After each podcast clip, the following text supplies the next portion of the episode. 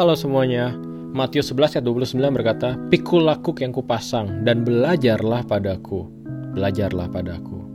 Karena aku lemah lembut dan rendah hati, dan jiwamu akan mendapat ketenangan. Ini yang ngomong Tuhan Yesus. So, salah satu ciri anak Tuhan adalah mau terus belajar. Anak Tuhan itu rendah hati, nggak sombong. Dan ciri orang rendah hati pastinya mau terus belajar. Saya mau bertanya sama kita semua.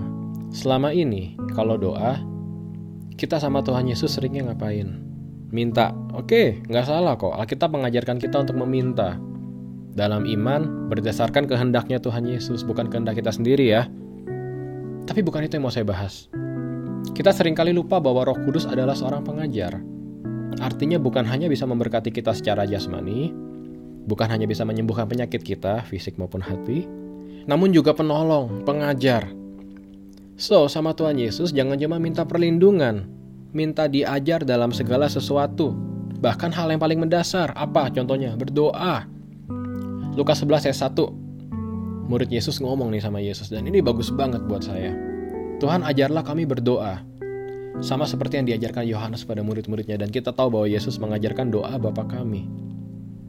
Seberapa banyak dari kita untuk hal-hal kecil seperti doa kita ngerasa ah, udah bisa gue hal-hal kecil lainnya yang se sehari-hari kita ngerasa udah bisa. Tapi kenyataannya sering kali kita nggak tahu apa-apa. Bahkan untuk sebuah bidang yang sudah kita tekuni puluhan tahun pun, sering kali kita nggak tahu apa-apa. Kita seharusnya selalu terhubung dengan roh kudus 24 jam. Jangan batasi hanya karena kita ngerasa roh kudus sibuk.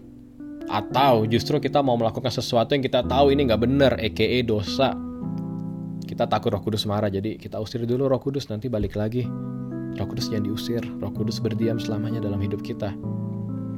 Sekali lagi pada dasarnya kita perlu diajar. Kita perlu untuk selalu belajar. Karena sedewasa apa pun kita secara umur dan pengalaman, pada dasarnya kita nggak tahu apa-apa. Bila dibandingkan dengan Tuhan semesta alam. Hari ini, di mana pun kamu mendengar podcast singkat ini, rendahkan hati. Biasakan untuk selalu bertanya dan minta diajar sama roh kudus. Tenang, dia nggak pernah terlalu sibuk buat kita. Dia selalu ada dan selalu mau terlibat dalam setiap kejadian di hidup kita. Ya, sesayang itu dia sama kita. So, sama Tuhan Yesus, jangan cuma minta berkat. Minta diajar dalam segala sesuatu. God bless you all.